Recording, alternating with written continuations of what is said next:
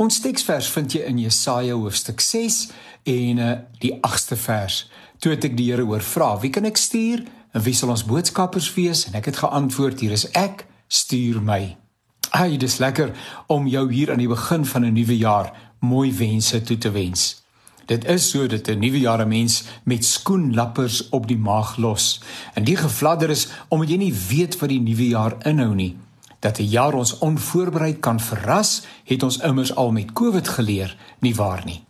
Nou staan ons aan die begin van 'n nuwe seisoen. Dit is genade, nê? Dat daar 'n tyd is en kom vir weer probeer, vir opstaan, vir moed skep, vir diep asemhaal en strategies beplan. Beplan inderdaad om sommer blindelings te leef en te hoop dat die lewe goeie dinge sal bring is effens naïef. Ja, God is die bron van alles wat mooi en goed is. Daarin is daar geen twyfel nie, maar ons is medewerkers van God die Heilige Gees en hy beantwoord ons gebede dikwels deur van onsself gebruik te maak. Wat sou die inhoud van jou gebede wees hier aan die begin van 2023?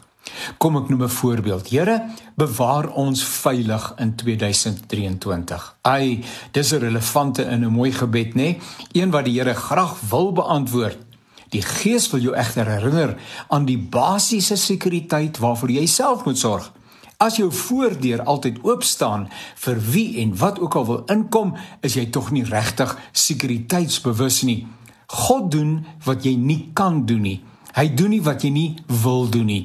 Jy en die Heilige Gees is vennote in die beantwoording van jou gebede. Uiteraard, nadat ek alles binne my vermoë gedoen het om my en my mense se veiligheid te verseker, dan kan ek die Here vertrou om te doen wat ek nie kan doen nie. Ek kan nie elke oomblik van die dag oral wees nie. Ek is nie altyd ewe bewus nie.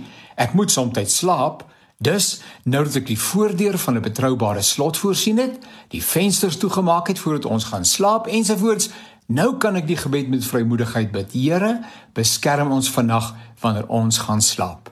Nou die voorbeeld om 'n stuk realisme by jou en my aan te wakker. Wat gaan ek en jy doen om die gebede, ja, noem dit maar ons nuwejaarsvoornemens, 'n werklikheid te maak? Breër gestel.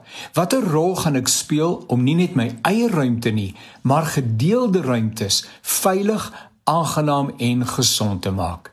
Suid-Afrika is swanger aan geleenthede om 'n verskil te maak.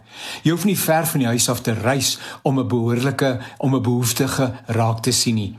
Jy vind stikkende en gebroke mense by jou werkplek, hulle selfs ja in 'n besonder in die kerk teenwoordig, want die kerk is 'n versameling van verwondes op soek na goddelike genesing. En daarom hoor ek in die begin van 23 hierdie bekende woorde van Jesaja 6. Die Here vra: "Wie kan ek stuur en wie sal ons boodskapper wees?" En ek antwoord: "Hier is ek, stuur my."